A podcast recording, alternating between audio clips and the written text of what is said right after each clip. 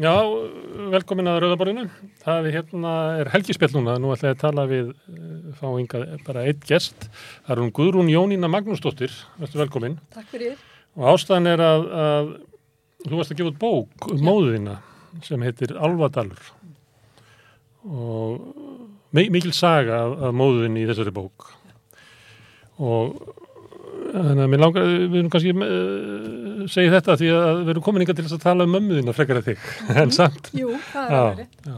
En samt er það nú þannig að mér langar að fyrst að spyrja þig svona um, um þína esku og, og mömmuðina eins og þú mannst eftir henni, því að hluta bókinni gerist eiginlega áður en að, að þú kemur til. Já, Já. já, já. Hvað, segðu mig frá mömmuðinni. Hún, mamma mín, hún var pínu lítil, eh, 1,56, eitthvað svo leiðis, rauðhærð, skapstór, Mm. hörkudugleg kona. Bara, ég man ekki eftir henni öðru sem vinnandi, fram á nætur og pabbi var verkamaður, kom nú til að því að hann þurfti að hætti námi þegar börnunum fjölgaði öll. Og þau eru mörg, að það ekki? Jú, tíu í allt, hann átti átta af þeim. Já.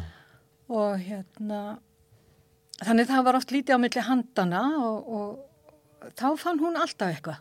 Hún saumaði föt og seldi og fór út að vinna þrefristi hús, fór í sokkavesmina Efur sem var starrakt að Akranis í Kanada. Já. alltaf að.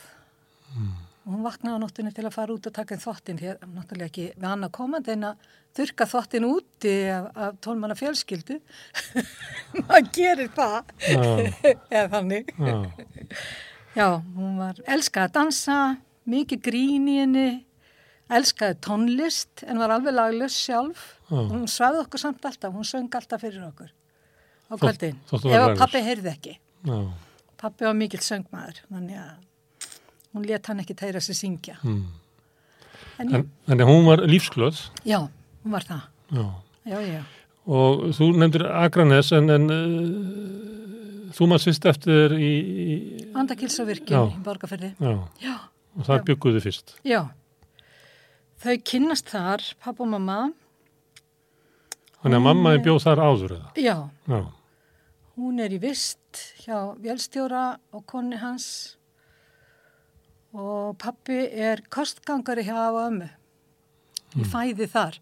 Hann vann við að byggja virkjunna hún er semst hún er starrakt, eða byrjaði að starrakjanna 47, 1947 og hann var uh, búfræðinemi uh, á Kvanneri og fer svo upp í virkjun að vinna. Og þau kynnast þar. Þannig að svona, það sem að móðuðinn var já, uh, fyrir. já, með fóröldur sínum. Já, og stóru sískilahóp. Nei, ekki, nei. Það Nei. er nefnilega, það er þannig að þau byggu á Alvadal og Ingersandi, þar sem að, hérna, Bókin heitir eftir, sem bókin heitir eftir. sem er uh, vestur á fjörðum í Já. utalegi önundafyrði. Já. Og þetta er landlugtu dalur, Ingersandur, er, það er ekki farandi í hann nema rétt yfir hásumarið. Og nú var þið á bíl, en þá valla á bíl, held ég. Og Það er engin strandvegur með, Nei, meðfram. nei, nei, Þú verður að koma ofan af fjöllunum og niður í dalinn. Já, eða fara á sjó og bændunni notuðu það mikið. Þeir áttu trillur, voru á, á sjó jafnvel og notuðu báta og sem sildu yfir til flatrar til að ná í vistir og, og allt sem tilþurfti. Og hérna síðan þegar þau leys upp heimilið vegna þeirra aðstæðna sem að ég tala um þetta í bókinni Já, að þá flytur afi nýri virkun og amma með mömmu ófriska nýra Akranes og síðan fer hún aftur til afa með barnið og þau ætla að taka þetta barn að sér og þá erum við eiginlega komin að því sem bókin fjallar um. já, Hún fjallar um að afi minn var barnanýðingur og sálarmorðingi mm. og hann sem sagt á tvö börn með mömmu minni og fyrra barnið kemur undir á Ingersandi. Amma veit ekkit að hann er sem sagt, mamma er í vist frá 5 til 11 ára og þegar hún stríkur úr vistinni og verið vist, Hún var, þá er maður að vinna. á er, kirkjubóli í Valþjóstæl hjá hjónum, já ég held að þetta hefði tíðkast alveg mikið, börnum var komið fyrir á heimilum, voru að vinna, þú þurft að vinna. leiðu gátu, já, Já. já, já. og hérna, hún stríkur úr þessari vist vegna þess að fólk var ekki kannski alveg nógu gott við hana. Já. Hún til dæmis mann eftir sem hún var svo lítil og hún var að reyna að koma diskonum upp, á, upp í skáp og missir það og hlaðan nýr á gólf og það brotnar eitthvað og þá var náttúrulega bara barinn. Og hérna og það, í þá dag voru til þess timburgólf sandskúrið og einhver tíma gerði hún það ekki nógu vel og þá fekk hún bara að bleita tuskuna framann í sig. Og svo við erum að tala um batt sem er kannski 6-8 ára. Þannig að 11 ára þá stríkur hún heim. Stekkur hún í bátinn til bróðu síns og hérna fer heim í á Ingjalsand. Og þá er þetta sem sagt bara þetta eru þrýr dalir í röð. Það er Ingjalsandur, Móðstalur og Valþarstalur og hún er í Valþarstal og svo þarf að sigla fyrir minnið á Móðstal og yfir á Ingjasand Mm. og annars það var hægt að fara fótgangandi þá var það kallað að sæta sjálfarsvellum það fór fólk alveg á háfjöru Já. og þurfti bara eh, þú veist að drífa sig fyrir múlan svo að kæmist. Áður en að flóður kemi. já, já, já, já. en sem sagt þá hérna Þannig að fóreldrarinnar hafa sendt hana í vist þegar hún var fimm ára já, og hún kemur tilbaka 11 11 ára. gömul. já og þegar hún kemur tilbaka þá segir eldri sýstur hennar við hana eða eiginlega svona bara yfir hópinni þá getur hún farið í húsin með helvítis kallinum Já. þar kölluði hann alltaf, alla sýsturna voru fimm þar kölluði hann alltaf helvítis kallin svo ég muni Mm. alveg bara frá því fyrsta hérna Áður en þú fréttir ömulega af því sem hefði gerst. ég er hann 21 árs þegar ég fæ að vita Já. hvað gerðist Ok, þannig að eldri sýstur þegar hún kemur að þá segja þér að hún muni þá taka við að fara með. Já, hún er í raun og verið að segja nú er ég hætt, hún verður að fara með honum. Hann getur bara snúið sér að henni. Og ég meina hún er náttúrulega nákvæmlega jafn mikið fornalamb og mamma og, og bara skadaðu barn.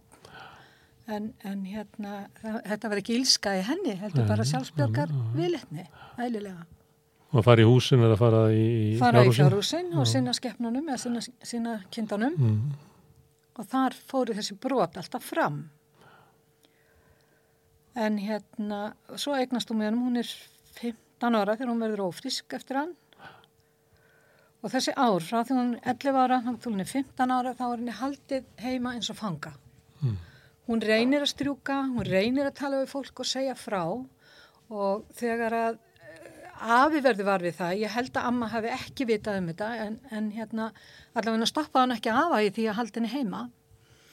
Hún fekk ekki að fara hér að smóta núbi sem að var eh, eldri sískinni fengi að fara á, ekki á íþróttamót, henni var yfirlt og hún fekk að fara tvisar í vist að sumri til, en í öðru leiti var henni bara, bara haldið heima og það var átt hún að vera. Og eh, sko, það er ekki auðvelt að komast þetta í burtu því að það er stöðabænum og það er skóli, farskóli sem þá var. Þá var sko oft kent í halvamánuð og svo fór kennan eitthvað annað í halvamánuð, kom svo aftur. Þetta var alltaf heimilinu þannig að það var ekkert, þú veist, Það var bara þessi bær það var bara þessi bær. Og, og þar drotnaði afiðin. já, reyði harfri hendi og mistundi barnanum sínum. Hverja fættur öðru? Bara þau eins og harfisk. Þannig að þetta hefur verið bara gríðarlega erfitt líf. Já. En þú sagði að hefðu uh, brúði búi út af uh, því sem að þú ert Já, að kallum. þegar að, þegar að hérna mamma ver, sagt, verður verið það, hún er orðin á frisk og hún segir frá, þá er hún, hún er inn í eldhúsi hjá mig eftir því sem mamma segja mér þetta og ég náttúrulega reyni að hafa þetta í bókinni nákvæmlega eins og hún sagði mér. Hún á það skilið að hennar Já, saga heyrist. að sjálfsög, þetta er hennar saga.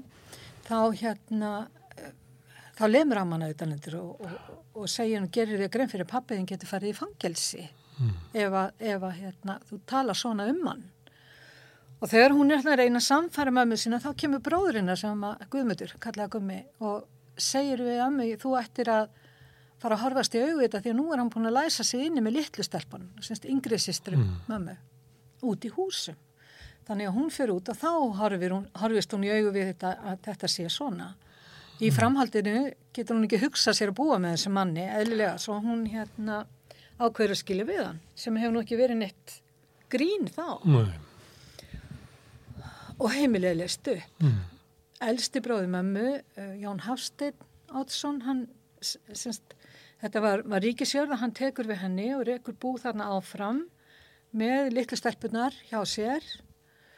Yngsti bróðurinn var, uh, hann var ekki ætlitur en, en tekin í fóstur á flateri. Þannig að hann var aldrei hjá af og að með. Og hérna, strákunum sem er næstur þar fyrir ofan hans, uh, Freirik Svanur Oddsson, hann fer með þeim, hann er þá bara 8 ára minni mig. Mm. 8-9 ára og þau fara sem sagt þrjú, eða fjögur, svanur, mamma, af amma og mamma og frísk og afi útvegar ömmu og mömmu uh, bústað, sumabústað sem hétt óðinsbústaður og var nýri við Akranis mm. og þar er þenn komið fyrir og þar er að vera þannig til barni fæðist fyrst í einhvern skamman tíma var mamma í vist hjá Gunnar M. Magnús það var ekki langu tími síðan eru þær þarna, maður, og Svanur svona, kemur og fer, er hjá Afa, Afi fær vinnu sem velstjóri upp í Andakilsóvirkjum, sem er rétt, réttu kvanniri.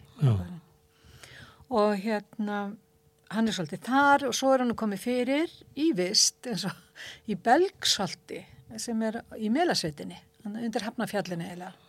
Og þar er hann meira og minna, hann er 16 ára, bara í hörku vinnu. Mm. En hérna... Þannig að fjölskyldan svona halvu leiti leysist upp. Hún leysist upp, já, hún gerir þannig maður af og amma lofa mömmu því að þau takja að sér þetta bad og hún mm. getur svo bara fengið að vera laus og fara og finna sér vinnu og gera það sem hún vil. Mm.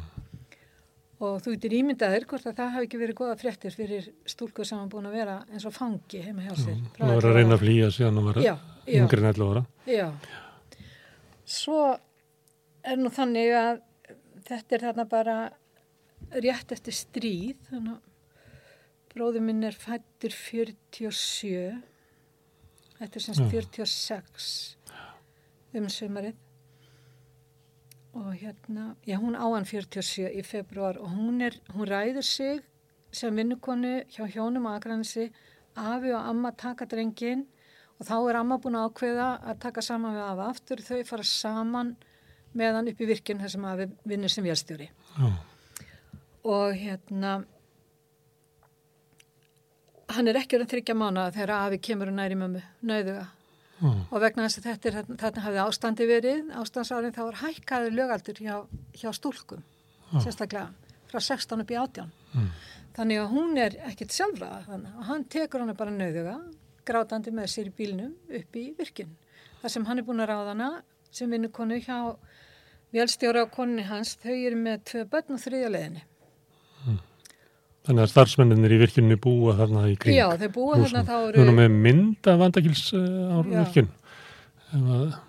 Þú séð uh, húsnaðið. Já, þarna sjáum við sko stóra húsið, virkjunarhúsið Já. og svo er náttúrulega þarna háspennuvirkið og þetta hús sem við sjáum þarna alltaf kalla brakkin. Það er byggu af og amma í endanum fjær sem er semst, næst virkininni papp og mamma e, þar næst var mm. bara þunnu trjáökar á milli mm. íbúða síðan kemur þvóttahús sem var nota fyrir sveitina eftir að hérna, þetta er sem sagt eftir að, að virkinu var byggð, þarna er bara 2-3 ár síðan virkinu var byggð og þá var hérna alveg heljastóra tjálbúðir með svíjum sem komu og byggðu turbinuröri og komu fyrir vélónum og allt og síðan er þarna þetta þottahús og svo skólinn í endanum hérna sem við sjáum næst oh. Þannig að ég faldi mig alls sumur og las allar kjenslubækur Þannig að, að mamma henni er sótt og sett í vist þarna hjá já, fólki sem er að vinna með afhænum Já, húsin sem að sko það voru tvö hús sem að velstjórnir sem staðastjórn og velstjórn byggur þau voru upp á hæðinni, það sjást ekki að þessar mynd já. sem við vorum að skoða að hún er ráðan til að vera þarna. En býr hjá fóröldur sinna? Nei, hún Nei, býr, býr hjá, hjá þessu hjónum, okay. já, er þar. Svo gerist það rétt fyrir jólinn, þá hérna, þá uh, fara þessi hjón til Reykjavíkur bara til að kaupa inn jólagjafur og annað og amma fær far með þeim fram og tilbaka. Og afi, dettur í það, brist inn á, briti glugga til að komast inn og, og brist inn á og nöðka með mig. Mm.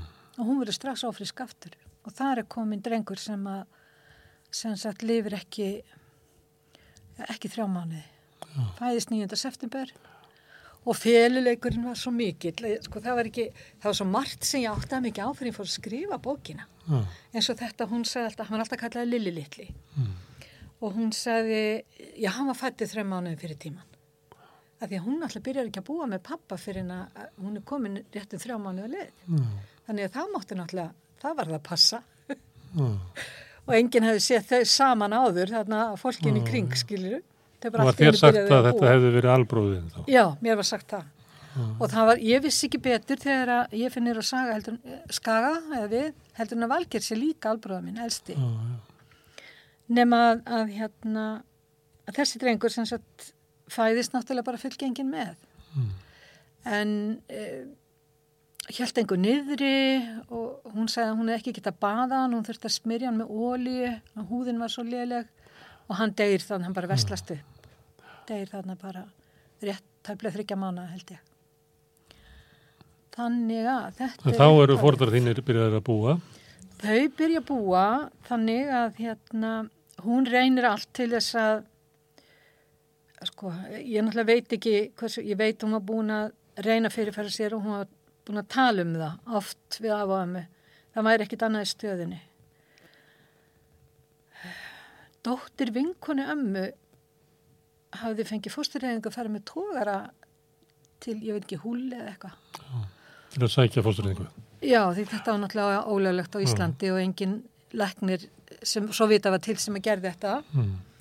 Þannig að uh, mamma og bræðurinn gáttu sapna fyrir farinu en ekki fyrir fóstureyðingurinn sjálfur, hún var svo dýr.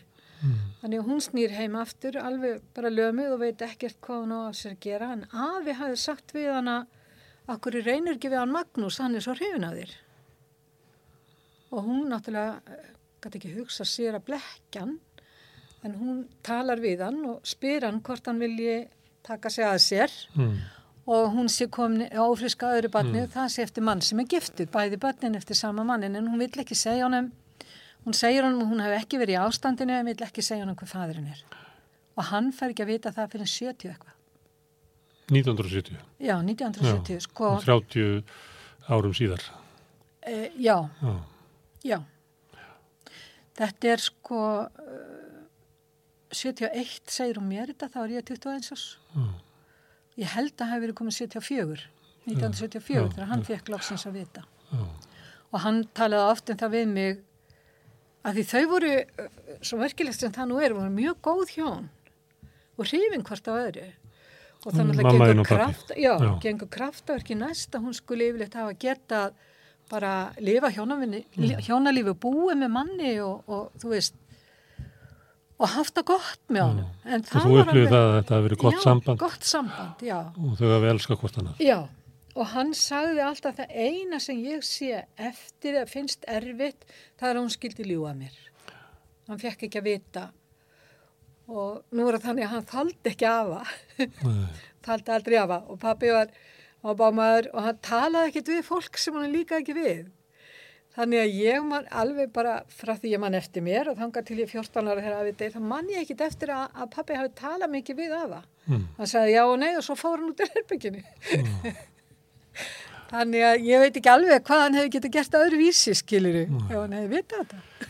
En uh, þegar þú fæðist að þá búa fóröldraðinir Þau og búa- afiðin og amma já, á þessum smá litla bletti. Já, bara þunnur timburvekkur á milli íbúða, Mm. heyrðist vel á milli og þau búa þarna, þannig að mamma var í raun og veru í fangelsi. Hún var fangi í þessum dimma alvadal, hún komst aldrei út úr honum. Því að um það leiti sem að sem að afi deyr eh, eiginlega skömm eftir að hann deyr þá veð ég fyrst vör við semst merkinn þá hún sé að veikjast á geði. Já. Þá kemur hún út úr stofinni, hún hefur verið að þurka af og hérna þurka alltaf af á miðgudum og lögatum.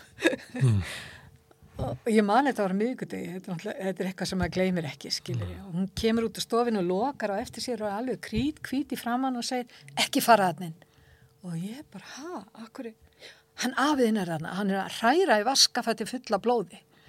Og ég alveg bara, hvað almatur, veist? Og ég ætla að opna og hún bara stoppar mig, setur bara hendina fyrir mig, þú ferð ekki hann inn. Og það, þetta verið fyrsta skipti. Ég hugsaði oft um það, sko síðan er ég mörg, mörg ár ekki vör við neitt svona. Mm. En hún allan tíman, hún sagði mér það löngu setna, vissi að hún var ekki heil og hún talaði mikið um fólk sem var lokað inni á gæfugrahælum og var ekkit að því. Mm. Og, og, hérna, og ég man eftir hún hafi hjálpað einhverju manni til það sem kom úr Reykjavík.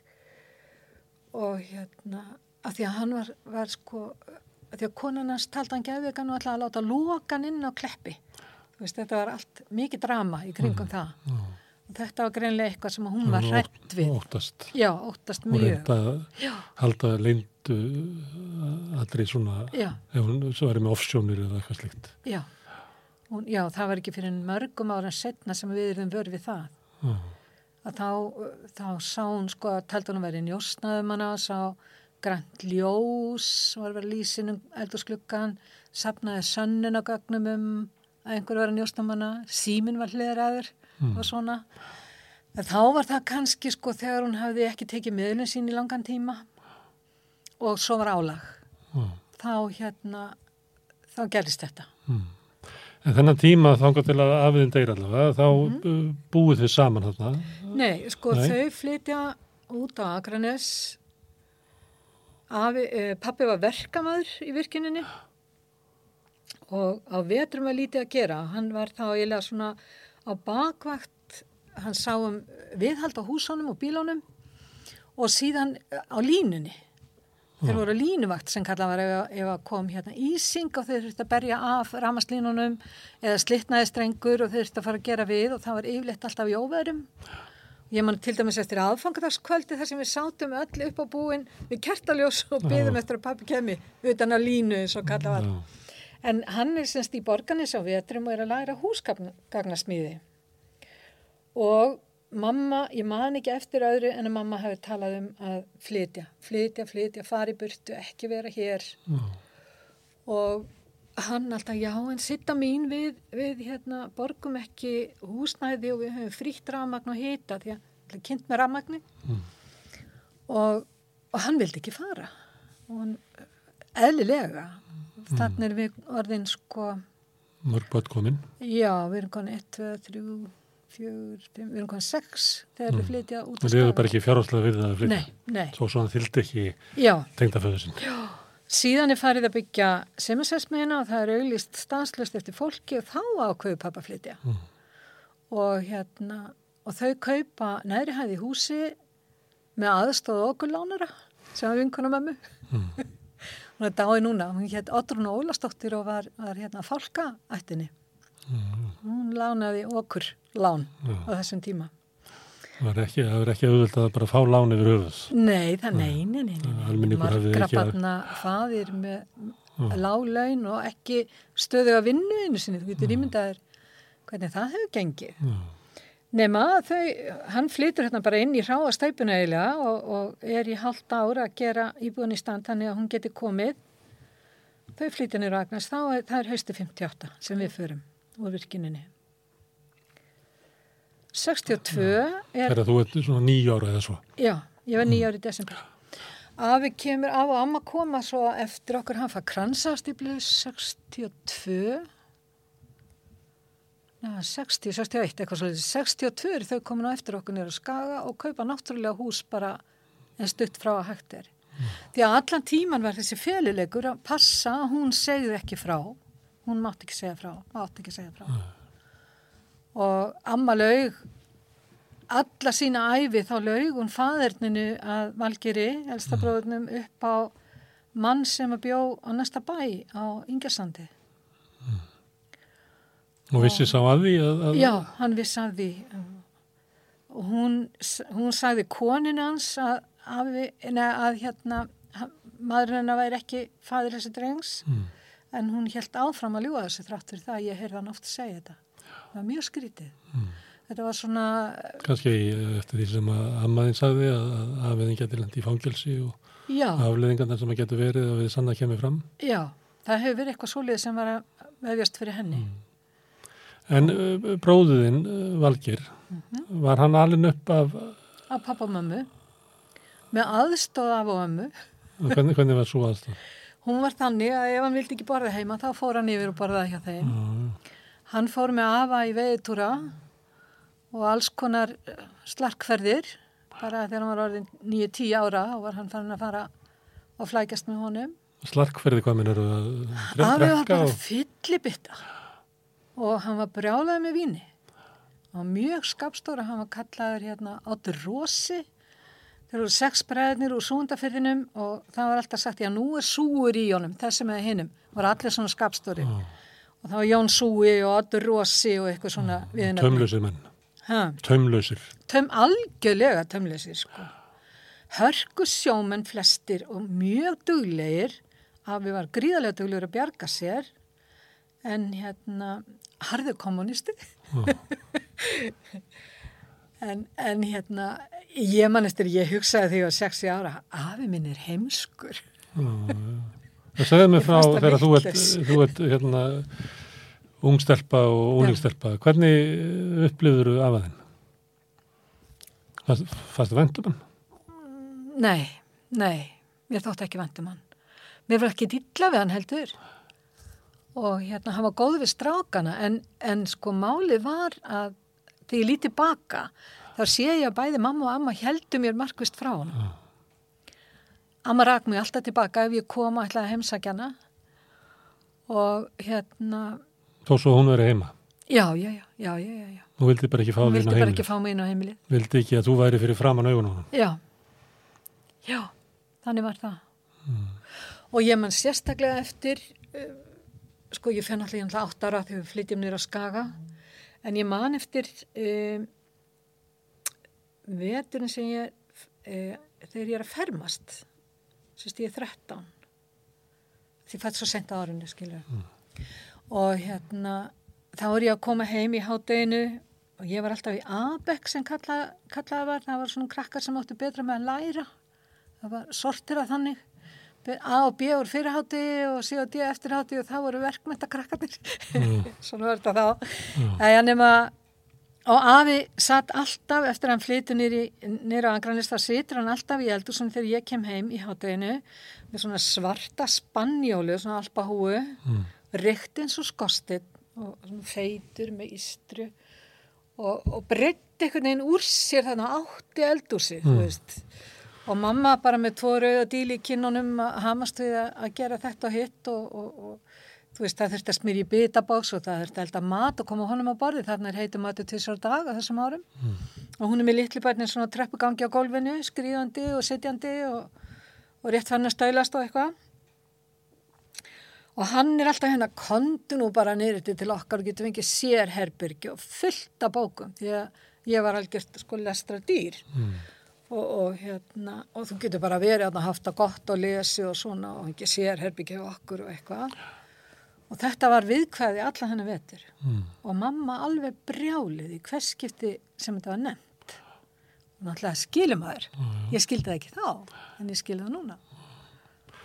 En þú segir að hérna, bræður móðunar Mhm. og kannski fleiri að við vita það, ammaðinn vissi þetta á þessu tíma. Amma veit þetta og fleiri já, kannski. já. E, það er ótrúlegt þegar maður fyrir að ræða við fólk hvað margir vissi og það er líka jafn ótrúlegt hvað margir vissi ekki og hvernig það skiptist Já. og hérna Segðu mig frá því hvernig það Já, sko, yngsta sýsti mín, Jónína Björg, hún hefur verið mikið fyrir vestan, farið ferðir og þá spyr hún alltaf, þá ræðir hún þetta alltaf við fólk fyrir vestan og það, margir segja, já, það vissi þetta allir á sandinum. Það er sandur, kallar sandurinn. Mm. Vissi þetta allir á sandinum og, og það vissi þetta allir segja aðrir við mig eh, þegar ég fer að ræða þetta eftir ég flytti upp í Borgafjörð, býð þar bara í nokkur ár. Þá þá sagði sögumir, já aldrei heyrt þetta afiðin og amma bara þessi indislegu hjón og komið svo vel fyrir og, og allt saman sem þau gerðu. En hérna, en að aðri segja, já afiðin, það var nú meiri skaphundurinn og, og, þau vissu þetta nú allir. En akkur gerði engin eitt. Já, þess vegna þessi bók. En þú lítur að velta í fyrir þér. Já, hverju, já. Sko, það, er, það er þessi gerandi þarna, það er líka Já. stór hópur sem að raunverulega vendar hann. Já. Og uh, mér var sögð saga sem er þetta kemur fram í bókinni þegar þau flytja frá flateri og út á sand.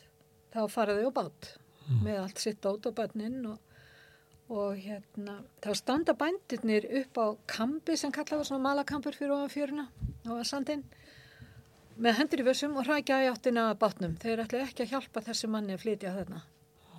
Og það kemur einn bóndin frá Sæbóli og hann tekur ömmu að sér og fer, hjálpar henni með yngstu börnin inn í hús á meðan henni verið að bera frá borði og koma, þú veist, öllu upp í Alvadal.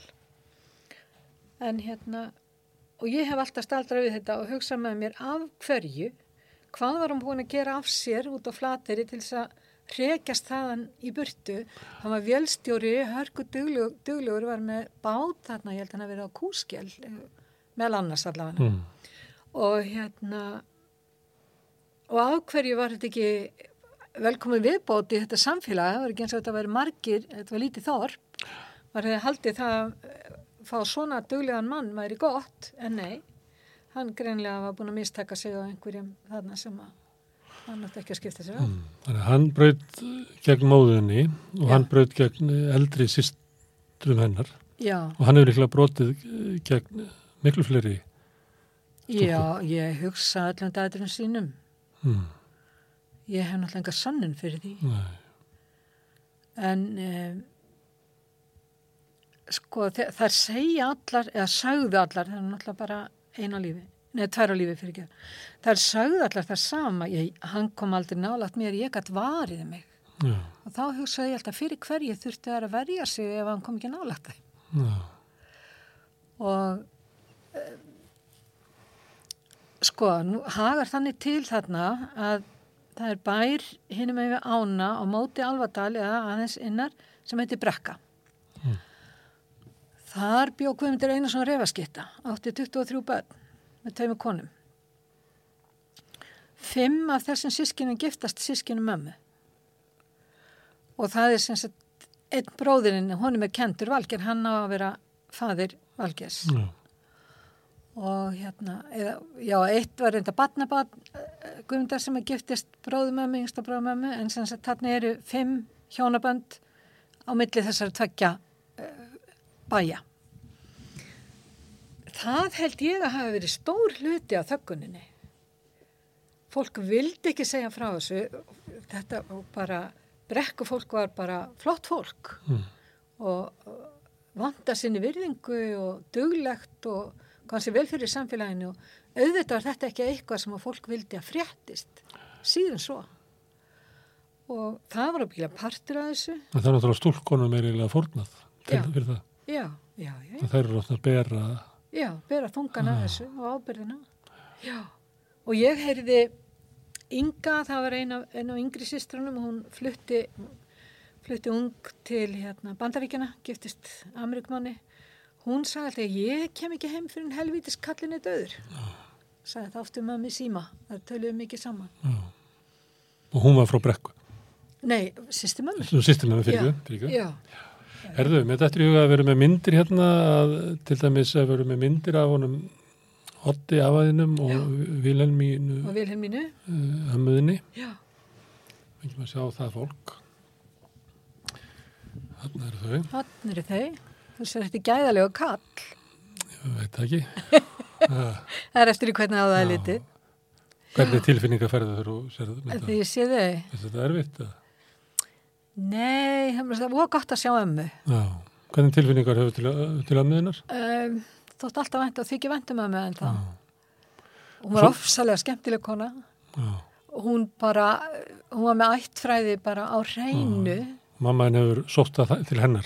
Já. Það vera skemmtileg. já, að svo- já, að og, og, og samt- til mömmuðinnar. já, mamma var meira að segja svona léttar í skapi heldur en amma var, grínast mikið meira hló og svona, Svo eru líka með myndir af fóruldröðunum. já. En hérna amma var bara, ég fór eins og með þeim vestur hér var 12 ára henni og afa og bróði minn með. Hún sagði okkur frá öllum bæjum á leiðinni hvað fólki hétt og hver var þú veist, og við alveg byrjar nú að þúpna, þúpna peksinu en guð hvað ég hef viljað fara þessa fermiðin í dag. Mm. Þannig eru fóruldröðunir. Þannig eru fóldar mínir. Magnús Sigurjón Guðmundsson frá Hraunni í Reyðafyrði, þar sem núna er alverið Mm. Og mamma, Sigurbjörg Gottsdóttir. Og hann tók uh, eiginlega mömmu þín að sér. Þegar hún sagði hann, bað hann að taka, taka sig að sér, sér. þá sagði hann, ég held að mér myndi aldrei hlottnast því lík gæfa í lífinu. Já, Það var hann pappi minn. já, já. Hérna, uh, þú varst að segja að, að ári eftir að hérna, Oddur afiðin deyr, að þá hafi verið fyrst voru varfið það að, að mammaðin væri, ættu Já. eitthvað andlegan, uh, væri andlega. Já. Já.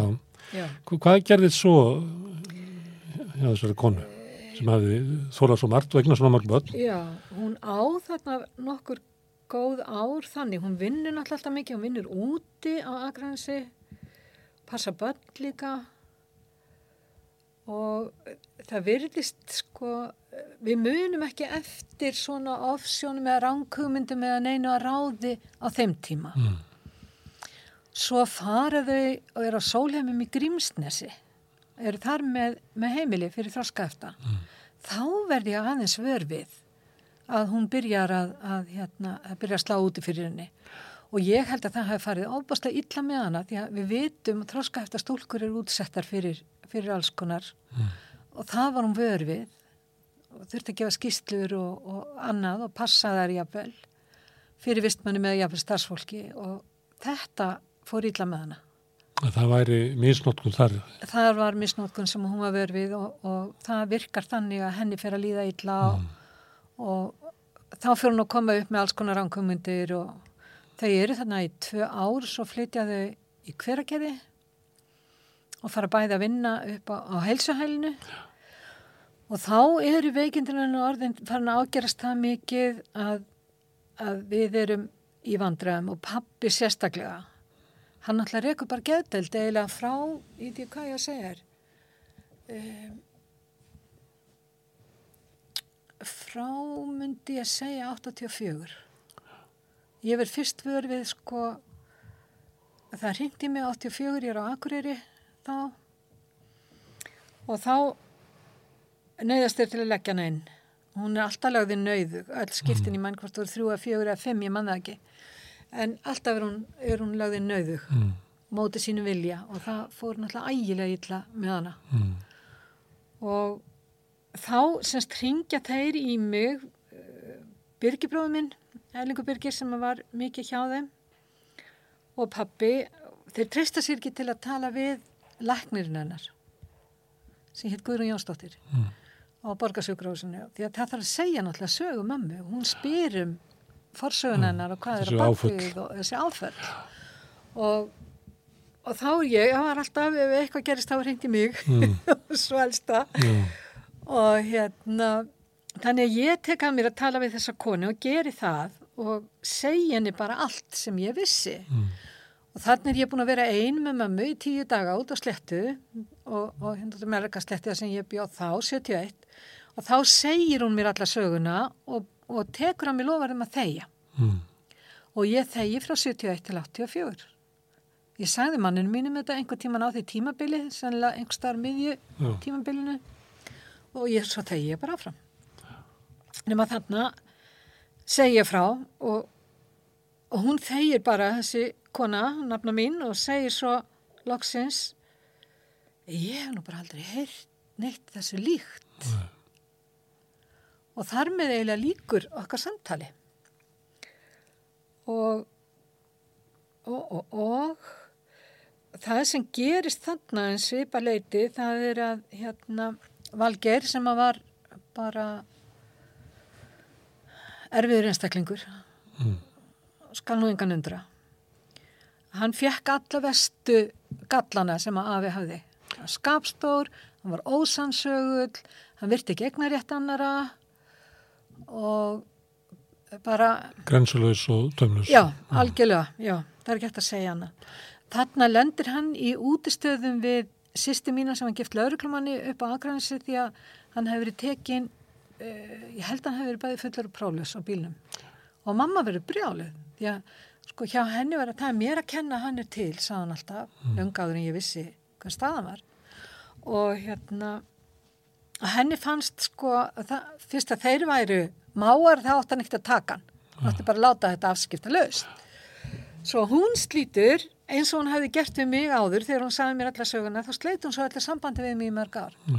Að því að þá var svo hrættum að ég færi að tala um þetta við alla og þá bara þurfti að gera mig tortryggilega og það var ímislegt sagt um mig sem að stóðst ekki alveg á þeim tíma.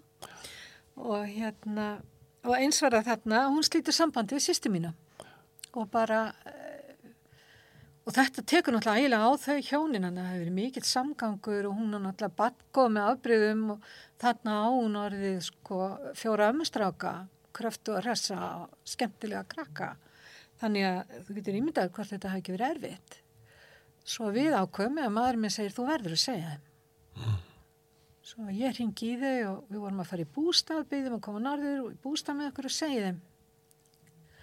Og það var svo skrítið, svo segja þau sískinanum þetta í framhaldi og það segja alltaf allir, já, nú skil ég. Já, já. Það er þannig, ekki? Það, þannig er það. Það var líka þannig eh, 71 þegar Já. mamma þið sagði þér þetta. Jésús, já. En guð hvað ég spurði, ég var alltaf af hverju ég gerði amma ekkert.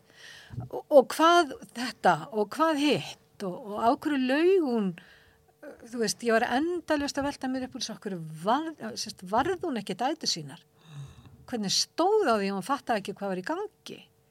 En það virðist, eftir því sem ég kennst næst, þá viss hún það ekki fyrir hún þurfti að horfa stegu við það eftir að mamma er orðin ófrísk. Svo skrítið sem það var. En tók samt saman við hann aftur. Já, hún gerði það. Hérna þegar að mamma þinn segið þið frá þessu, má ég spyrja því hvernig, hvernig, eh, hérna, Ég fekk sjokk. Já, ég er eiginlega að spyrja því sko Já, hvað, já. hvað, hvað raða maður þessum upplýsingum því að það er ekkert eiginlega ploss inn í heilanamannum fyrir maður þetta. setur hann í koffart og maður skellir. Já, það er ekki hilla fyrir þetta, það er bara að loka Já, hann. já. Þannig Eða, þú, þú það var mín gengur, viðbröð. já, og þú gengur með þetta ráðlega einn, Já. þá 71 til 84, það er Já. 13 ár. Ég sagði tveimur bestu vinkonum mínum uh, og það eru báðar orðlausar og það var aldrei rætt meira. Hvoru verið rætti þetta meira? En eftir að, að mamma þinn hafði sagt þetta og þú segir að þá hafði hann svona slitið hérna, Já, í sambandi við nokkur þig. ár. Ég, þrjú, Og var það eiginlega bara alveg eftir að hún segir þetta og þá vildi hún ekki hitta þig eiginlega eftir það. Já, Henni, henni fundist það mjög óþægilegt Já. að hitta þig já, eftir að þú vissir. já. Og það var eins og, uh, hún yrði svo skelvingu lostin í hver skipti sem hún vogaði sér, að maður getur orðað þannig, að trúa einhverjum fyrir þessu hræðilega lendamáli, því hún trúði auðvitað fleirum fyrir því á, á æfinni, ekki mörgum, en ég var allavega að tala við þrjárkonur, Já, að hérna, þá var hún alltaf svo skelvingu lostin, þá var hún svona svo hrættum en hún gerðist eitthvað bara voðalegt. já, hún var að gera eitthvað sem hún mátt ekki. Já, já, það var alveg deginuljósara. Og þetta var svo, þetta var svo þungt, þetta var svo erfitt. Ég man til dæmis eftir, það var eitt sem kom upp þegar ég var að skrifa bókina, þá er ég að segja frá atviki þar sem að afi er greinlega ekki hendur á ömmu. Mm.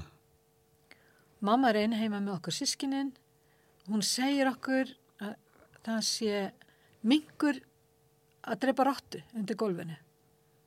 Óhljóðin voru slík og, vorum, og ég segi alltaf nei, þetta er afi, afi er ömmu er að gráta mamma. Og hún bara nei. Og svo ég er eiginlega fann að trú henni og svo fyrir hún að stað slekkur öll ljós, dregur fyrir alla klukka þannig klukkan kannski 6 um kvöld vanilega var matur 7 skiluru og hérna svo fyrir hún að stað og dregur þungt koffort innan um gemslu sem var beint á móti útidýrunum setur það þessum fyrir útidyrnar, það var eiginlega bara brettin á útidyrunum gangurinn. Og síðan tekur hann stól úr eldúsinu og setur hann þannig að, að, að hérna, afturfættirinn stólum fara upp fyrir koffertið og að baki á stólum undir húnin þannig að það er ekki hægt að ít honum niður. Og ég skrifaði þetta alls þetta, þetta stóð mér svo ljóslefandi fyrir hugskottsjónum ég glemdi þess ekki.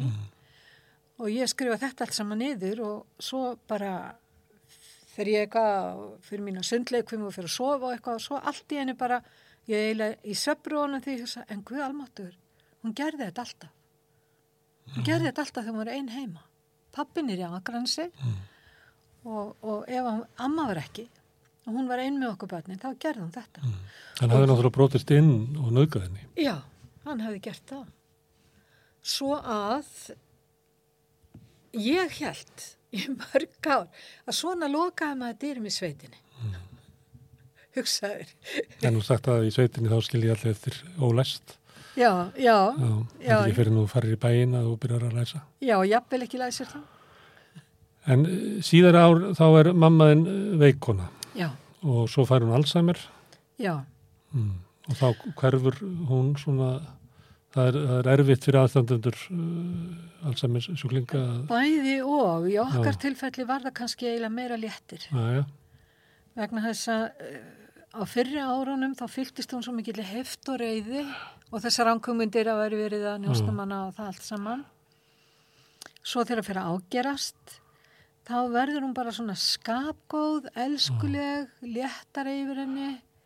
Og hún var ekki eins og margir allsami sjúklingar sem er myndi bara gamla daga.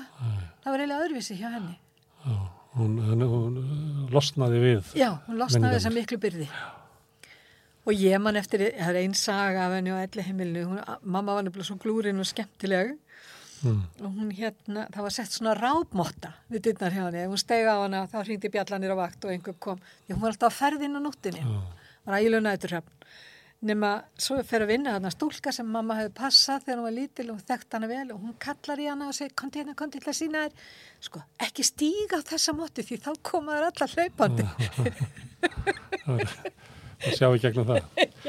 En uh, maður gæti haldið að hún hafi sko raunverulega sitt alveg einn með þessa reynslu, ekki haft neitt til að tala við. Hún gæti ekki tala við mömmu sína um þetta. Hugsanlega hefur hún talað við eldri sýstu eitthvað aðeins við eldri sýstu sína já, en, en þegar þú finnur það þegar hún er að segja þegar þetta 71 að er, þetta er ekki það sem hún hefur oft talað um. Nei, alls ekki. Og hún var sko henni þótti óendilega vendum eldri sýstu sína þar voru setni ár mjög mikla vinkonur og hún hjálpar mömmu gríðarlega mikið. Hún hétt Áróra og hún til dæs hjálpar mömmu eftir að pappa og mamma er skilinn að kaupa íbúð ekki einu sinni heldur þrísvar því mamma var fyrst í Æsufellinu svo í Vestuberginu og svo fyrir hún upp á Skaga. Og alltaf hjálpa Rórenni og alltaf er hún til staðar og það eru bara gríðarlega miklar vinkunni mm. en alveg frá því að mann eftir mér var samt alltaf þessi mikla byttur, þetta var svo tvískipt að út af þessu fyrst hún er komin, þá getur hún farið með helvitis mm. kallinum í húsin. Þetta er náttúrulega bara tvær Hver sagði þér þessa setningu? Mamma. Hún sagði þetta svo oft. Hún sagði okkur þetta hún talaði náttúrulega oft um lífið á Alvadal og þá var það oft í svona einhverjum rósröðum bjarma.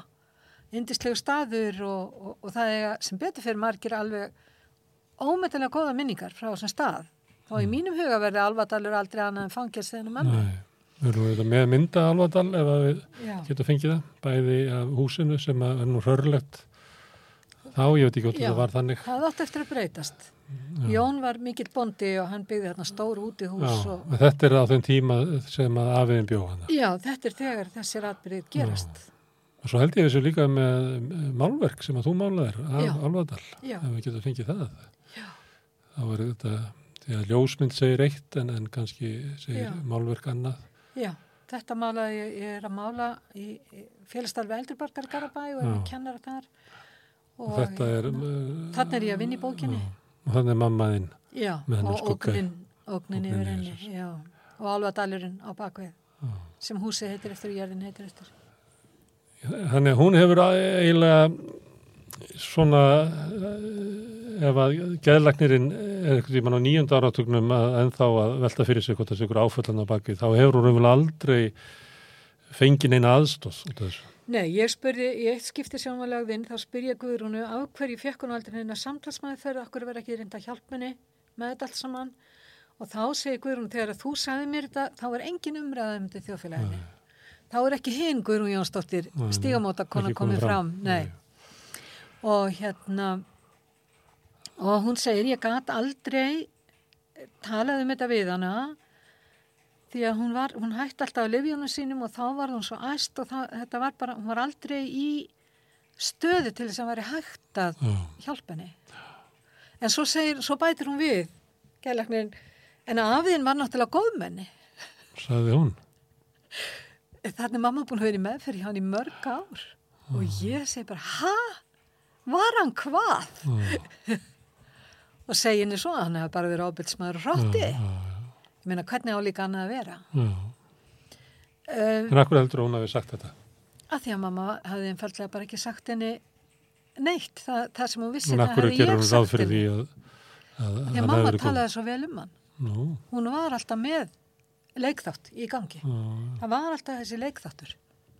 Að það mátti enginn vita, að það skildi enginn fá að vita, að það þurfti að fela fram í rauðan döðan. Hmm. Og það var það sem þær gerði allar.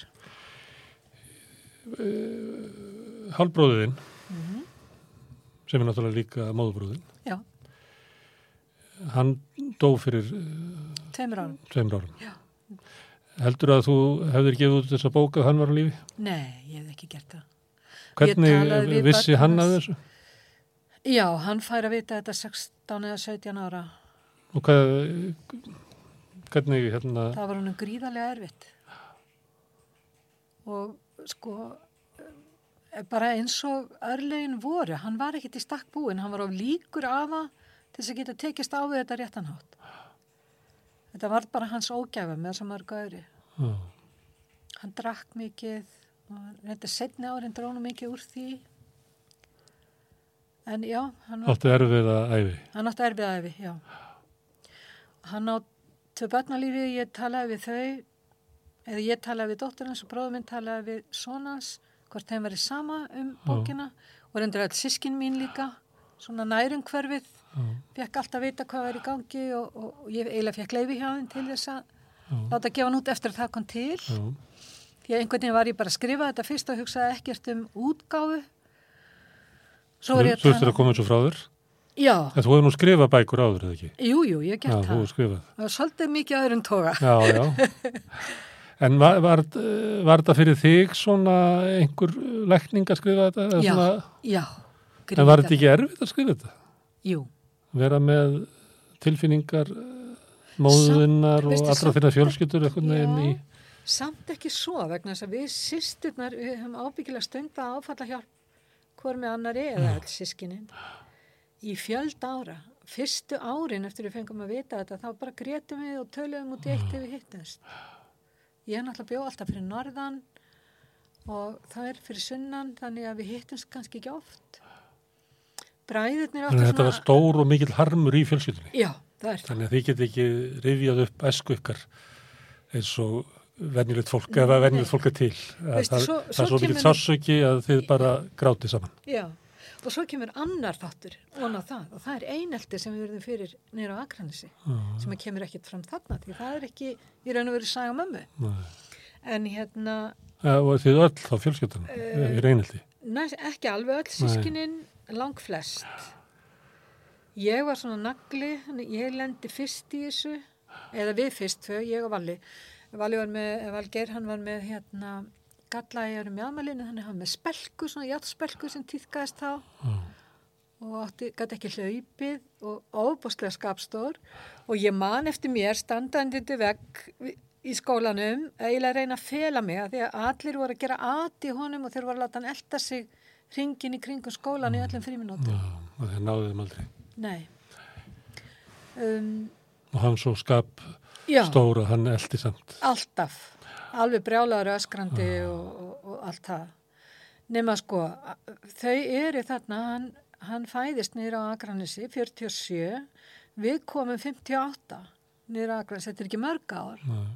Og þú getur ímyndaður að það er ekki margar konur eða margt fólk á mömmualdri, það er muna eftir henni sem er jakkamlar og margar þeirra eru mæður aftur bekkjasískina minna. Mm.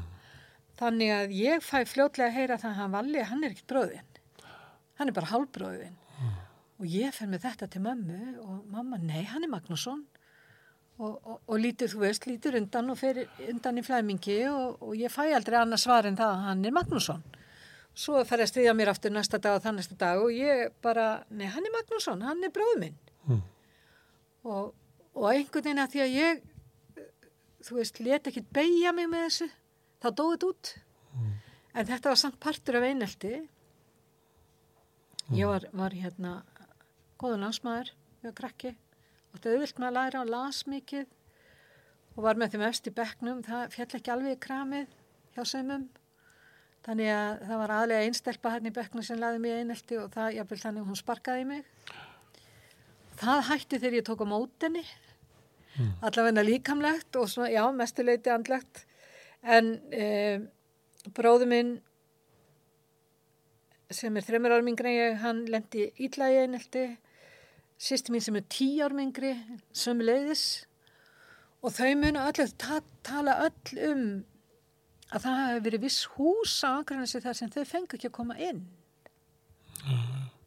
Það var eitthvað sem ég var ekki verið við. Þegar þið væruð bara ómerkilegt fólk. Já, börn þessari mellu Já. Sem var ofrisk 15 ára og ég veit ekki hva, hvort fólk hefur haldið og hann væri í ástandinu eða hvað var í gangi, skilur ég. Og það voru alltaf, sko, krakkar þau endur taka ekki nema þau heyrið að við heldur spörðið heima hjá sér. Þau semjið þetta ekki sjálf.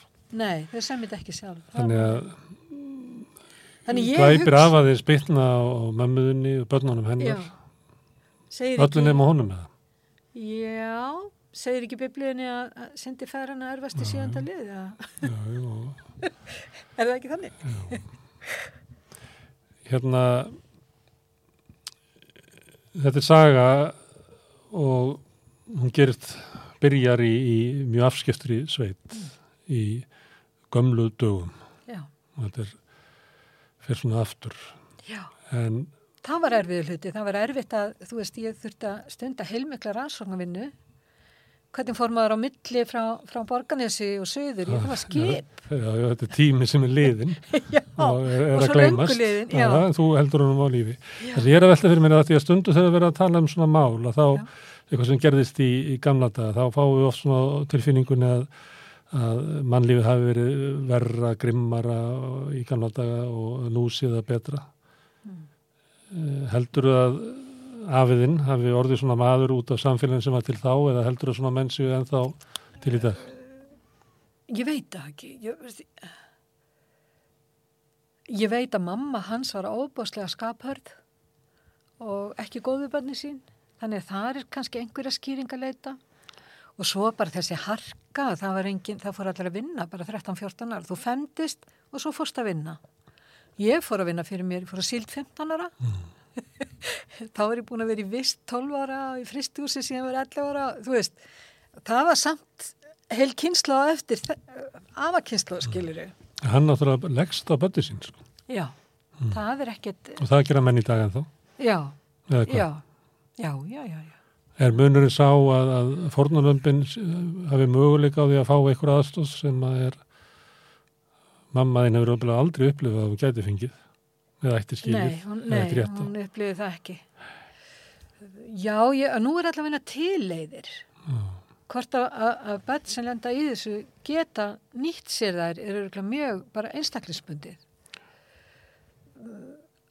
hún bjóði svo mikið og ég, ég hugsa hún hefði aldrei bara uh, þórað, sko eins og lýsingin þarna þegar hún læsir að sér. Mm. hún er bara undir ég veit ekki hvað þýliku okki og þýliku harðræði að sko hún verði veik andlega því hún vogar sér að segja frá heila í raun og veru mm. Hún sleppur náttúrulega aldrei, hann er eldir hann. Nei, nei, hún sleppur aldrei, hann fylgir henni eftir til 64. Já, bara það handað ykkur. Það drefst, já, það dáði ekki þetta að skefna. Drefst.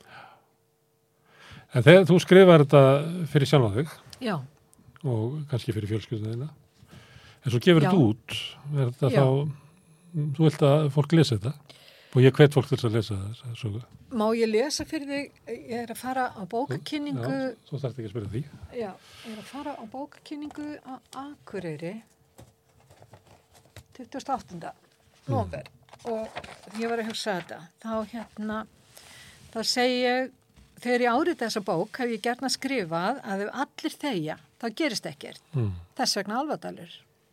En nú hefur ég séð aðra hliða á þessu. Á dögunum var Inghil Jóhansen sem var tilnæmt fyrir hönd Noregs til bókmættavöluna Norðurlandar ás fyrir bókina Þetta er G. Hún leggur gertna út af því í sínu skrifum að ef einstaklingurinn gerir ekkert aðhast ekkert til að breyta stöðinni, þá breytist allt. Þetta er svona mótsakna kent. Mm. Af hverju? Jú, ég get tekið dæmi, ef, ef að, hérna, við Íslandingar þekkjum vel eitt dæmi, það er bygging sem ekki er haldið við hún miklar, ekki rétt. Grotna niður, skemmtirnar eru faldar undir yfirborðinu og grafa þar um sig. Og hvað svo? Ef ekkert er gert í kjálfar kynjamisréttis, áreitis og ábeldis, gerist nefnilega mjög margt. Allir sem koma að því bera þess merkjum ókomin ár. Innra með einstaklingunum myndast graftakíli, ósaðra orða og ónefndra gjörða. Gröfturum veldur skada á einn eða annan hátt, grefur um sig, verður á blóðeitrun, grefur sig jafnvelina mænu og lamar einstaklingin. Myndrænt. Ég átti ekki vona því að varpa einhverju sprengjun í samfélagi með sögu sem hófst fyrir rúmlega 80 árum. Og flestar aðalpersonuna löngulatnar en raunin var önnur. Fjöldi einstaklinga úr stórfjölskyldinni hafði samband við mig eða forlagið. Þeir vildi gæta þess vandlega að vera ekki bendlaður við atbyrðir sem lístir í bókinni. Gerandin var ekki þessi, heldur hinn. Og þetta kom ekki fyrir mig, voru aðtöðasendir sem haldi var hátt á lofti. En ég verði viðkenna þegar ég lasa undirskriftina, sönn saga um kynferðisofbeldi, þökkun og afleðingar, þá brá mér. Mér fannst þetta stert og sláandi, svo ég skil alveg viðbröð skildfólksins, einhverju ringdu í bróður mömmu og, eða fjölskyldina að skort að hann hefði verið gerandi. Sá sem að bjó áfram í Bjó Álfadal. áfram á Alvadal. En, en reyndar eru 40 ár síðan þessi bær fór í eyði, hugsaði. Þetta er 80 ára gömul, eða 80 ár síðan. Það kemur nú fram í yfirlýsingu þeirra sem lögumæður sendir Já, að þau er ekkert að vefekja neitt sem stendur í bókinni. já, já, já, Já, þau gera það ekki. já. En hrætt við að hann sé bandlaði við þetta. Ekki, En svo segi ég bara, ég minni mjög svo málgefnu fjölskyldi eins og hefur nú kannski komið skilt í ljós hérna. það hefur nefnilega ríkt alveg gríðalið þakkum. Miklan hefur grafið undan undirstöðu byggingarinnar blómstræði hornunum, valdið öndunarerfileikum og lúnabasli. Miklan hefur kraumað undir yfirborðinu.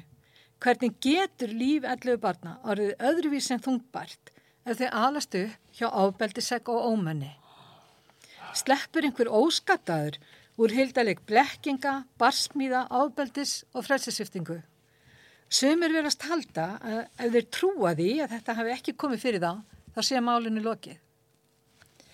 En eftir að hafa lesið Alvadal getur hver dæmt fyrir sig. Málinu er ekki lokið. Sem við sjáum bara á viðbröðum þess fólks sem að, að þið er í fjölskyldinni. Auðvitað er margi líka sem eru mjög sáttir við þessa bók og kannski mikið fleiri. ég síðan svoleiðis skrifað á Já. samfélagsmiðla frá Já, já, já, já, kynnslóðinni kannski fyrir neðan þig og já, já, já, já.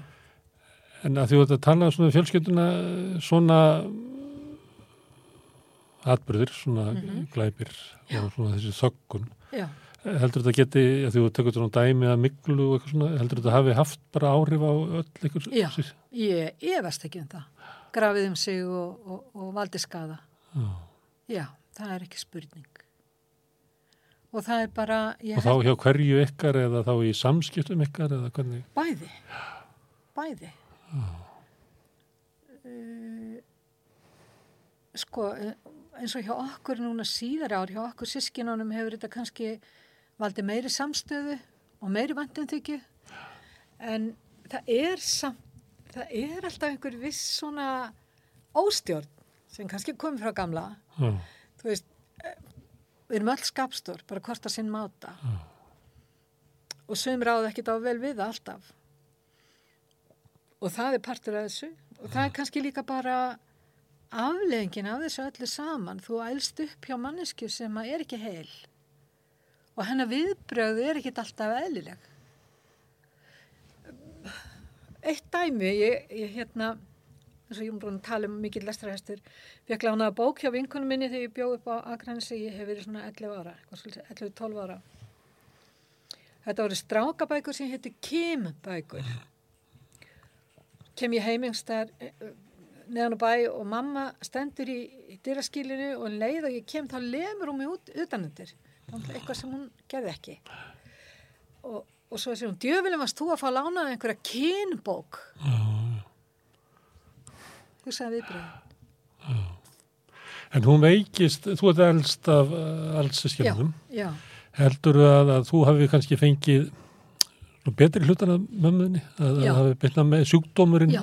hafi bytnað meira á þeir sem er yngri? já, já, já, já, Það er nú hlutur sem að við ræðum voða lítið um. Það er hérna erfileikarnir á því að alast upp hjá já, fóreldrum sem að kannski eitthvað stað var þetta orð þannig hafi ekki fulla fóreldra hefni út af sjúkdóma Já, mm. sko ég fyrir alltaf heima á 15 ára.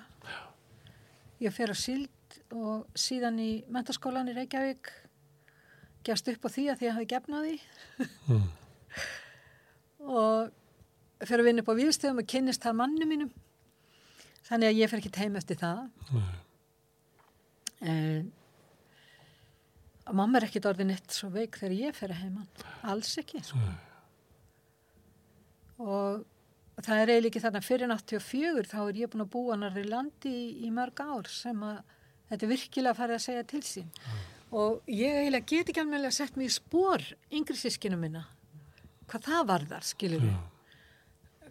Til þess hefði maður þurft að vera á staðnum og sjá hvernig En ég man alveg eftir svona hlutum eins og mér langaði skátana og hún sagði nei, það er svo dýrt og, og eitthvað svona. Það. Ég var í raun og verið í sama fangelsinu. Ég var í landsprófi þá, þá fór ég hérna á bíó með krökkunum og við stóðum á einhverju götuhotni og erum að spjalla og klukkan að vera halv tól sennilega um kveld að kemur pappa allt inn á hjóli að hún ekki bíla heimilinni lengi og þá hafði mamma sendt hann að ná henni. Hún var alltaf á vaktinni. Já. Ég fór ekki að böl. Heimurinn er hættulegur. Já, Og heiminn er hættulegur. Og hún sagði oft við mig sjálf, áður en að ég hafði nokkuð hugmynd, þá segir hún, ég er ekkit myrkvælin, ég er bara mannrætt. Já. Og það er svona setningar sem að rifjast svo upp fyrir manni og verða svo grimmar Mm. og svo öðruvísi. Þegar maður er búin að fá vittneskina undir og átt að segja á því hvað var í gangi. Það er eitt sem er að segja líka. Það, það var svo ótrúlegt. Það kemur fram í bókinni reyndar. Að eh, Guðrún Jónsdóttir geðlagni sem var átti mömmu. Þetta, eh, kerfið er, ég veit ekki hvort það er í dag, en það var þannig þá að læknir sem tók á móti sjúklingnum hann áttan. Mm. Og það mátti engin annar læknir sjá um hann á neitt hátt. Þannig að við Jenny sýstir fyrir með mömmu, eh, Jenny kemur með hann á hana skaga og við leggjum hana inn, þá er hún bara í gæðrófi, alveg kolbrjálið og við fyrir með hana á borgarsjúkrahúsið og þá vorum við í bastli með að fá að vera stað með hana þar sem hún var ekki fyrir allra augum. Og því að auðvitað mann fólk þó að sé í gæðrófi það man alveg hvað er í gangi og og hún var oft búin að tala um hvernig leiði illa út af einhverju sem hafi gerst Já. og þarna var fullt af litlum krökkum og mamma var svona badgóð eins og hún var henni liðið illa yfir því að vera með einhver skot og leiðindi Mm. við barninu eða fólkdarnu eða vatni að vera en nema við fáum loksins herbergi á gætildinu á Akureyri er herbyggi fyrir aðstandendur það er 15. mannabær í Reykjavík er ekkert svoleiðis í gangi og við fengum að vera á einhverju risastóri aðgerðastofu sem greinlega hafði ekki verið notið í langan tíma og þykkt ríkla yfir allanninni. Síðan kemur kona að tala við mömmu og er mjög notaleg við hana. Og við Jenny sýsti lítum hvora aðra, já, nú er hún. Nú er hún koni í góðar hendur. Þessi kona kann að tala við hana. Því að bara eftir tíu mínútur þá samþekki mamma að fara inn á delt sem að við svörtu kettinni sem kallaði okkur svartkettar hérna vorum að neyða hana til en þarna var það sem sagt allt í lagi. Og við förum með upp og hún er, það færi með hana inn og gæti eld þannig sem er hérna, ingangurinn er við aðalingangin að borga sjúkurhúsinu um, síðan segir hjúkunarkonan áður nú læsir ég svo kemur laknirinn að tala við ykkur laknirinn hennar segir, á ekki þessi kona verið með hana? Nei, og hún nefnir nafn á einhverjum manni, hann á hana. Ok, við býðum frammi öllum erlinum í andirinu svo kemur þessi laknir og hann er greinlega hraðferð og má eiginlega allavega vera að því að tala við okkur og ég eh, segi strax, heyrði við þurfum aðeins að fá að spjalla við þig, þú veist ekki sögun hennar eða ertu búin að lesa sjúkraskíslutan hennar? Já. nei, nei, nei, hann hefði ekki gert það og hann vissi ekkit um, um hvaða livjum hann var á eða, eða hvernig hefði verið séðum hana í hveragerði því að það voru ekki samkerðar sjúkraskíslur á milli helsugjastlunar og, og, og borgarsjúkrahúsins ok, ég settum okkur við það. Svo bendur hann okkur að setjast bara hann við barði út í hotni við glugga. Hann var maður að þrýfa fullt af fólki að labba fram og aftur. Og ég segi við hann hvað allast er til þess að við segjum sögun hennar hér og, og þú veist núna hvaða sögu ég þurfti að segja eða við, báðar. Jú, jú, jú. Svo við setjast niður og reynum að fara hrætt yfir sögu og, og taka þetta svona freka grund og stutt miða við aðstæður. Og við erum búin að tala við hann svona kannski tíu mínútur þegar hann verður voða vandræðilegur og svo segir hann hérna ég hef nú heyrt þetta áður en það var ekki þessi kona. Hefur hún lést mikið? Hefur hún grænst þetta er kona sem hann var búin að vera með þarna í mörg ár undir sinni umsjá. Þú getur ímyndaður hvað hann hefur sint inn mikið. Það þekkt hann ekki sjón. Og sögun hennar, já kannski var það einhver annar kona, hann var ekki viss. Hvað er þessi maður hafi verið að vinna vinnuna sína mm. velga hvort henni? Þannig að mammaði fekk ekki hjálp heldur þegar hún var veik út af veikindunum sín. Hvað þá út af áfallinu. nei, Hérna, þú talar svolítið um fjölskylduna. Heldur að svona, þú sagði sjö kynsluður, heldur að sé þannig að svona, nei við skulum Nei. kannski ekki taka svo djúpt en kannski hefur þessi bók eitthvað með það að gera Já. þarna við rofin vítarhingur Já. það er eina ástæðan já, það er ástæðan fyrir að ég vil ekki þegja já. Og samfélagið batnar ekki og ekki fjölskylda Nei. þín, nei, nema að, að hérna, bókið kom út og við lesum hana. Mm. og sem betur fer í dag hafa, hafa unga stúlkur möguleika á daginn eftir pillunni eða hvaða fósturöðingum og allt. Henni voru alla björgi bannar, hún hafði ekkert. Sem betur fer hefur það breyst. Herðu, Já. Guðrún Jónína, kær- kærlega fyrir að koma hingað og segja okkur frá þessari sögu og til hammingju með þessa bók, ef ég má segja það. takk, Og takk fyrir að, takk fyrir að skrifa hana. Og takk fyrir að koma hingað og trú okkur fyrir þessari sögu. Og ég vona að sem flestir lesi bókina og lusta þessa sögu því að hún á sannarlega erindi. Þetta þar með segi lokið helgispjallinu þessi helgina. Eh, Rauðaborði verður næst á sína venjulega tíma á mánudaginn klukkan átta. Sjáumst á og góða helgi.